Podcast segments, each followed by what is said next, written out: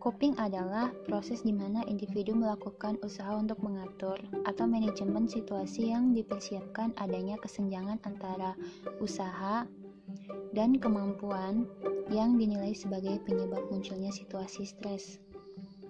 Menurut Safarino, sedangkan Coping adalah perilaku yang terlihat dan tersembunyi yang dilakukan seseorang untuk mengurangi atau menghilangkan ketegangan psikologi dalam kondisi yang penuh stres, menurut Yani.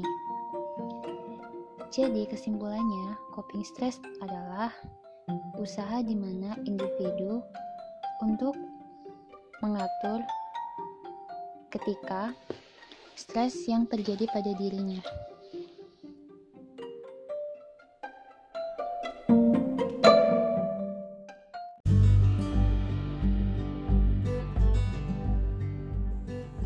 Sekarang, sebenarnya gimana sih cara menghadapi atau bahkan cara menghindari stres itu sendiri?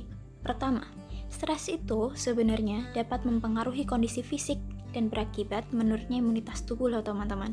Menurut Centers of Disease Control and Prevention atau CDC, bentuk stres yang bisa muncul akibat COVID-19 ini di antaranya yaitu takut dan khawatir tentang kesehatan diri sendiri dan kesehatan orang yang dicintai, perubahan pola tidur atau makan, sulit tidur atau sulit berkonsentrasi, memburuknya masalah kesehatan kronis, memburuknya kondisi kesehatan mental, serta peningkatan penggunaan alkohol, tembakau, atau obat-obatan lainnya. Kemudian, strategi menghadapi stres kalau menurut Ardani 2013 ada dua strategi. Satu, strategi menghadapi stres dalam perilaku. Di dalam strategi menghadapi stres dalam perilaku ini ada memecahkan persoalan dengan tenang, agresi, regresi, menarik diri, dan mengelak.